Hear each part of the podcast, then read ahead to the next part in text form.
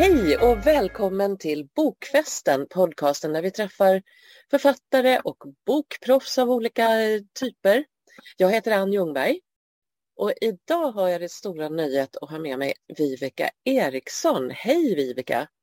Hej Ann, hej! Jättekul att ha dig med. Och vi ska prata lite till att börja med om eh, den bok du gav ut för inte så länge sedan. Har du lust att berätta lite vad den heter och hur det kom sig att du skrev den? Okej, okay, det gör jag gärna. Först vill jag tacka dig Ann för eh, tillfället att få vara med här och berätta om boken och också för det fantastiska arbete du gör för oss författare genom att hjälpa oss att hitta varandra och, och stötta varandra och få din kunskap. Så det är fantastiskt. Jag är jättetacksam för det. Och um, Boken som jag har skrivit heter eh, Handbok för sårade helare eh, älska dig själv först så hjälper du från ljuset. Och eh, alltså kortfattat kan man säga att boken handlar om att eh, förlora kontakten med sitt inre jag, med sig själv och sen resan att, eh, att återfå kontakten helt enkelt. Eh, och det, det, har varit så viktigt för mig eh, att få dela med mig av den resa jag har gjort därför att jag tänker att eh, det kanske på något sätt kan komma andra människor till godo också. Det vill jag hemskt gärna. Mm. Ja men visst. Mm. Vad har du fått för reaktioner från läsare om den här boken? Ja, så jag har fått eh, väldigt positiva reaktioner av en del. Eh, ehm, många känner igen sig eh, många säger att de har fått eh, lite nytt perspektiv på det som händer dem och så. Och, eh, och det gör man ju så eh, innerligt glad och tacksam för det är det som är, är meningen med boken. Ja, ja vad härligt. Ja. Och vad skulle du säga att det är för typ av bok? Är det en, eh, en mängd berättelser berättelser om dig och ditt liv? Är det mer som en självhjälpsbok? Vad skulle du kalla det? Ja, det, det är lite knepigt. Det är liksom lite både och. Eh, den eh, börjar med lite allmänna texter om, eh, om den sårade helan till exempel. Och, och, det, och sen så kommer då min livsberättelse efter det.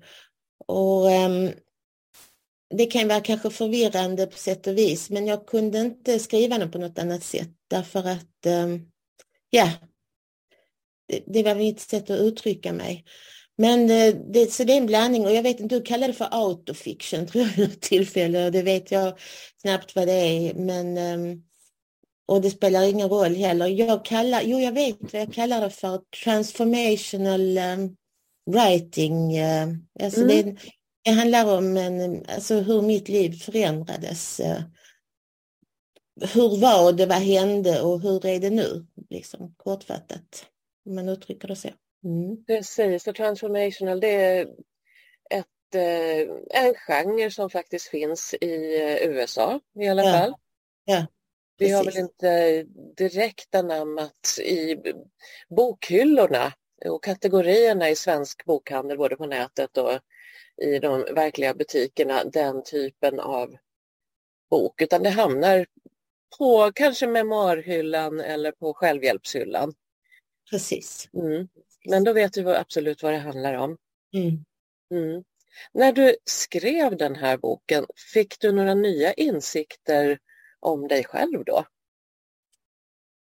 Ja, det, det, fick jag ju. Det, det är svårt att undvika, jag säga.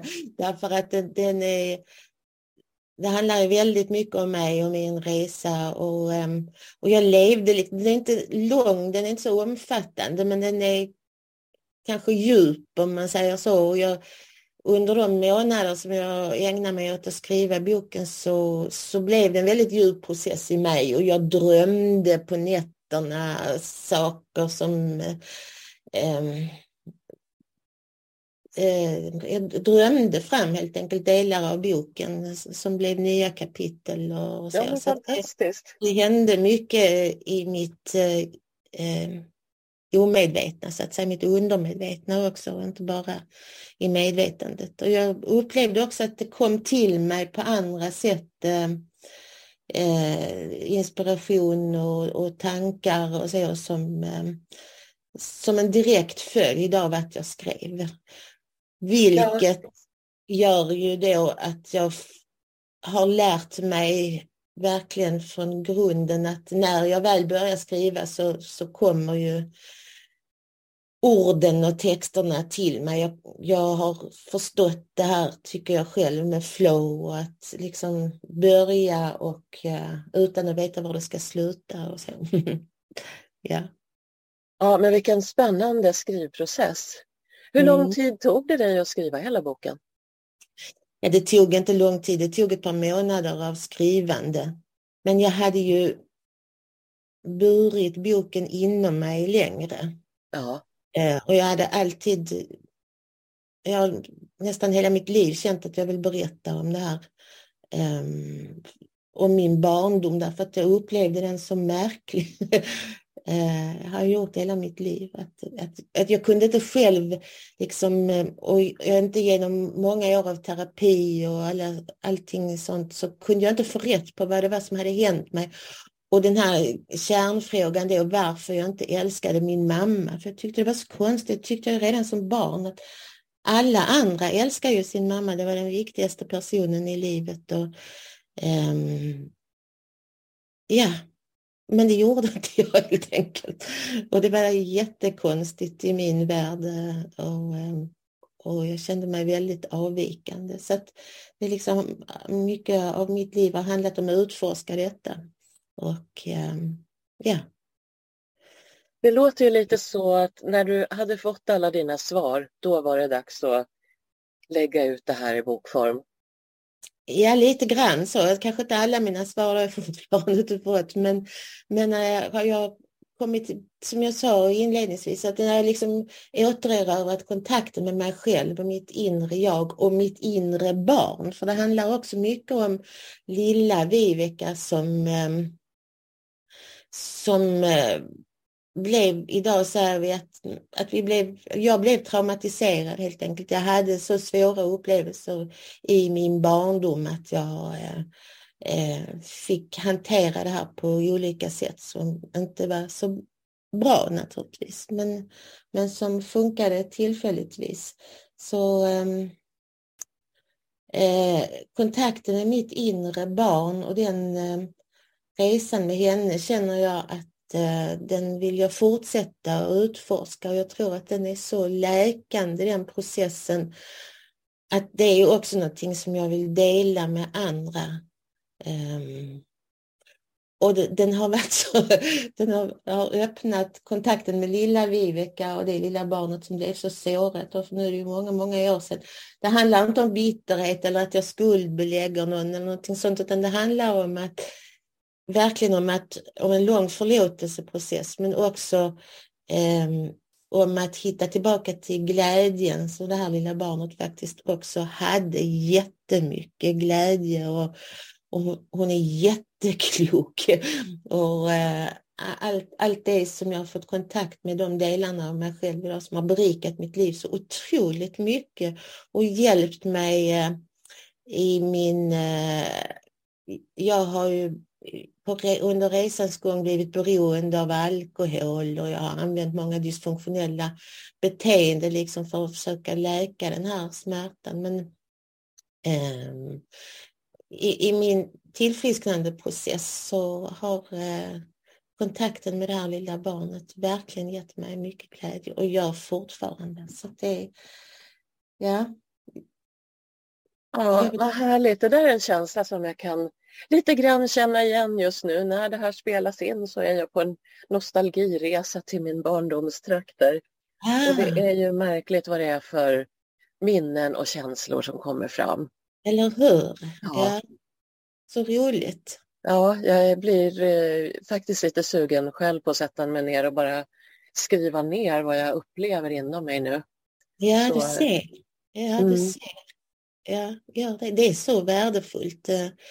Det är eh, så mycket glädje, framförallt glädje Och... Ja, det finns ju alla typer av minnen naturligtvis. Alla kommer ja. fram. Men glädjen att sitta här med lite facit i hand också. Det, det blev en vuxen människa efter allt det där som hände. Ja, liksom. ja, mm. ja. Eller hur? Ja.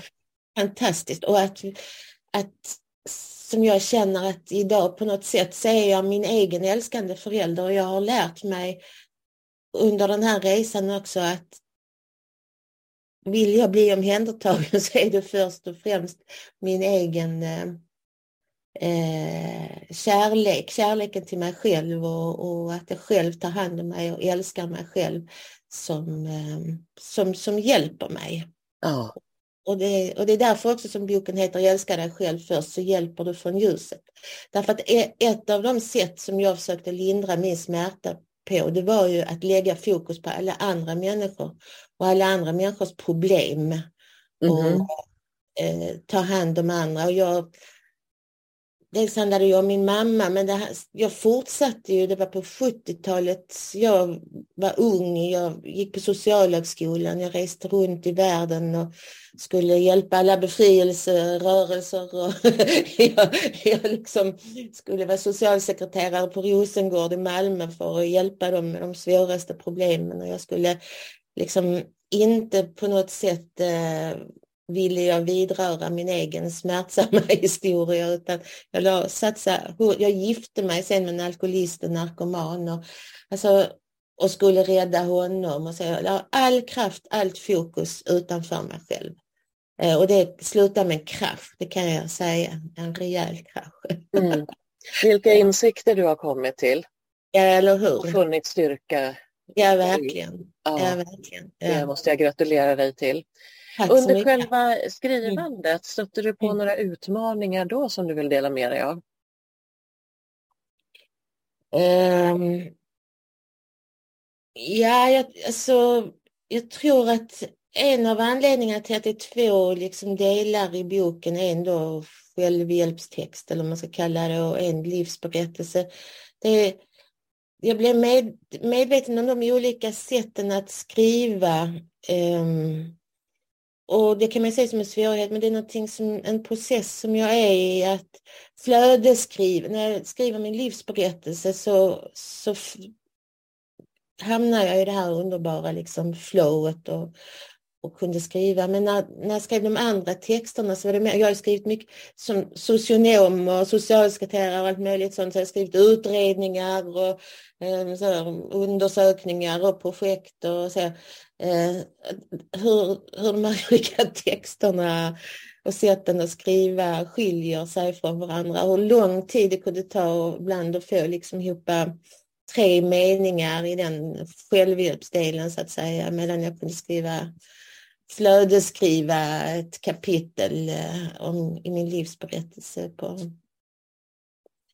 en kort tid och sen dessutom må väldigt bra efteråt och vara nöjd med texten. Ibland behövde jag inte ändra någonting överhuvudtaget i den. Så att, mm. ja, så det, men det, det, det har jag, jag också alltid vetat, men det var så, blev så tydligt eftersom jag har använt ord och text och skrivande så i mitt yrke och, och privat liksom, och sett ut på olika sätt. Ja, ja kul. Och så skulle boken ges ut. Ja. Och där har du tagit beslut att ge ut den på egen hand. Har du lust att berätta lite om den processen? Absolut. Um, det var, jag hade varit igenom uh, det här med förlag och så uh, tidigare därför jag skrivit en annan bok som jag skickade runt till förlag då och blev refuserad. Och Dels är det det och det blev, tog jag väldigt hårt och det rann ner mycket rödvin i mig kan jag säga efter de refuseringarna. Mm. Eh, men sen så valde jag ju att äh, ta tag i mitt liv ytterligare, bli nykter och sansad och sluta med rödvin och eh, ta, ja, och det ledde liksom till, till också mer känslomässigt ansvar. Och jag tänkte först att jag skulle ge ut på hybridförlag, men så tänkte jag att om det är någon bok i hela världen som jag måste stå för själv i alla avseenden så att säga, så är det eh, den här boken. Den kan inte, det, ingen annan kan stå och presentera den eller säga någonting om den eller skriva text. Ja, det kan man ju naturligtvis och det kanske kommer att ske, men men jag måste stå för allting, liksom. det måste vara mitt namn och min utgivning. Så det är också väldigt eh, här, känslomässigt. Eh. Men också att jag vet hur svårt det är att få utgivet på ett etablerat liksom, traditionellt förlag. Och jag tänker att jag har inte så mycket tid att sitta och vänta. Jag har inte, det är inte vad jag vill ägna mig åt, att sitta och vänta på svar från förlag och så. så att, um, Ja, jag vill ge ut mina böcker själv. Helt Ja, och det, det är ju kul att det finns en så pass enkel möjlighet att göra det idag. Ja, fantastiskt var det. Det är en otroligt smidig process. Kan jag rekommendera alla att göra, verkligen. Ja, det man möjligen saknar då i mm. egenutgivningen Dels är det att man får ha alla hattarna på sig själv eller kanske anlita en, en redaktör eller korrekturläsare så att ja. någon annan får se texten också. Men sen är det allting annat som ska tas om hand, inklusive den här som kanske är det svåraste då att nå ut till läsarna. Ja, ja. Och det var ju där du kom in och du kom för min del som en skänk från ovan, verkligen. Som en del i mitt flow. ja, men vad kul att höra.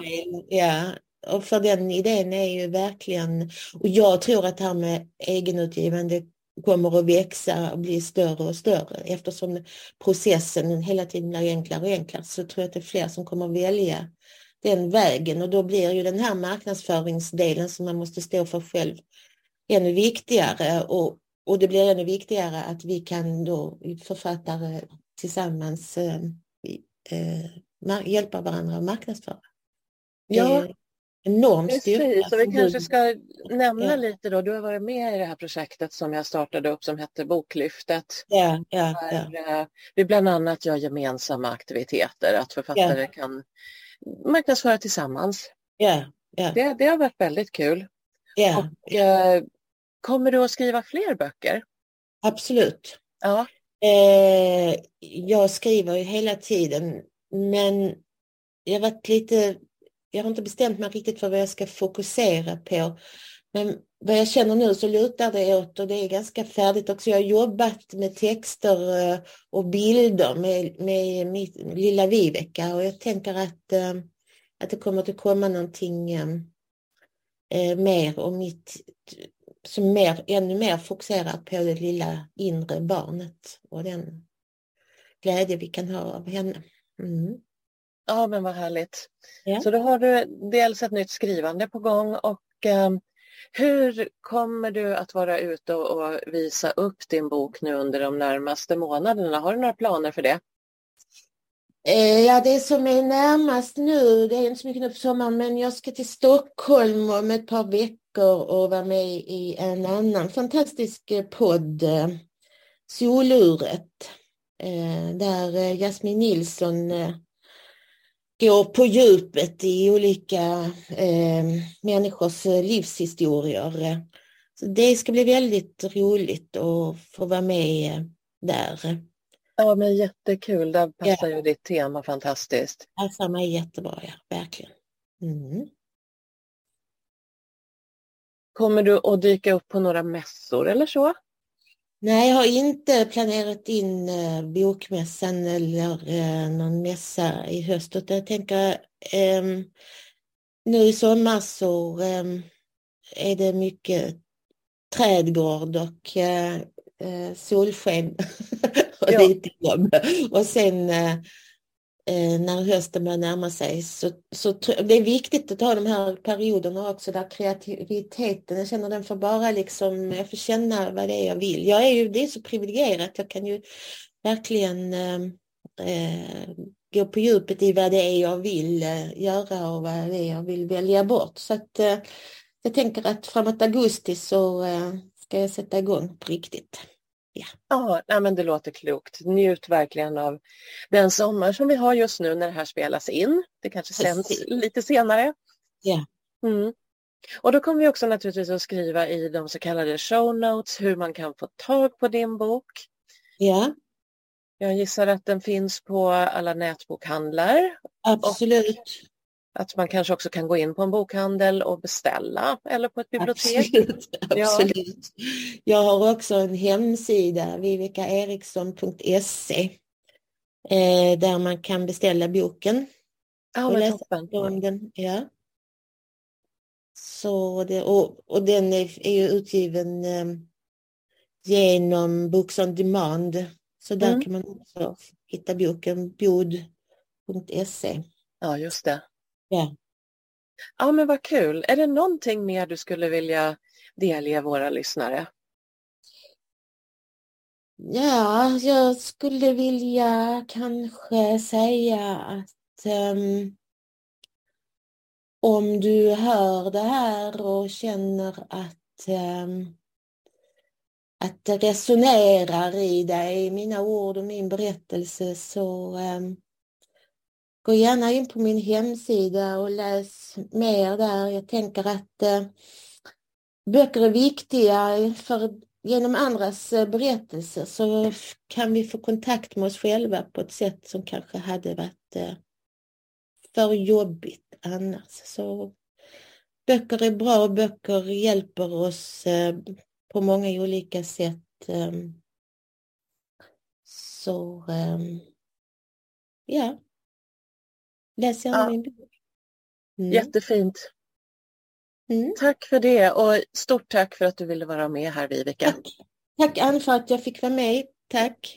Ha det gott. Ja, detsamma. Hej. Hej.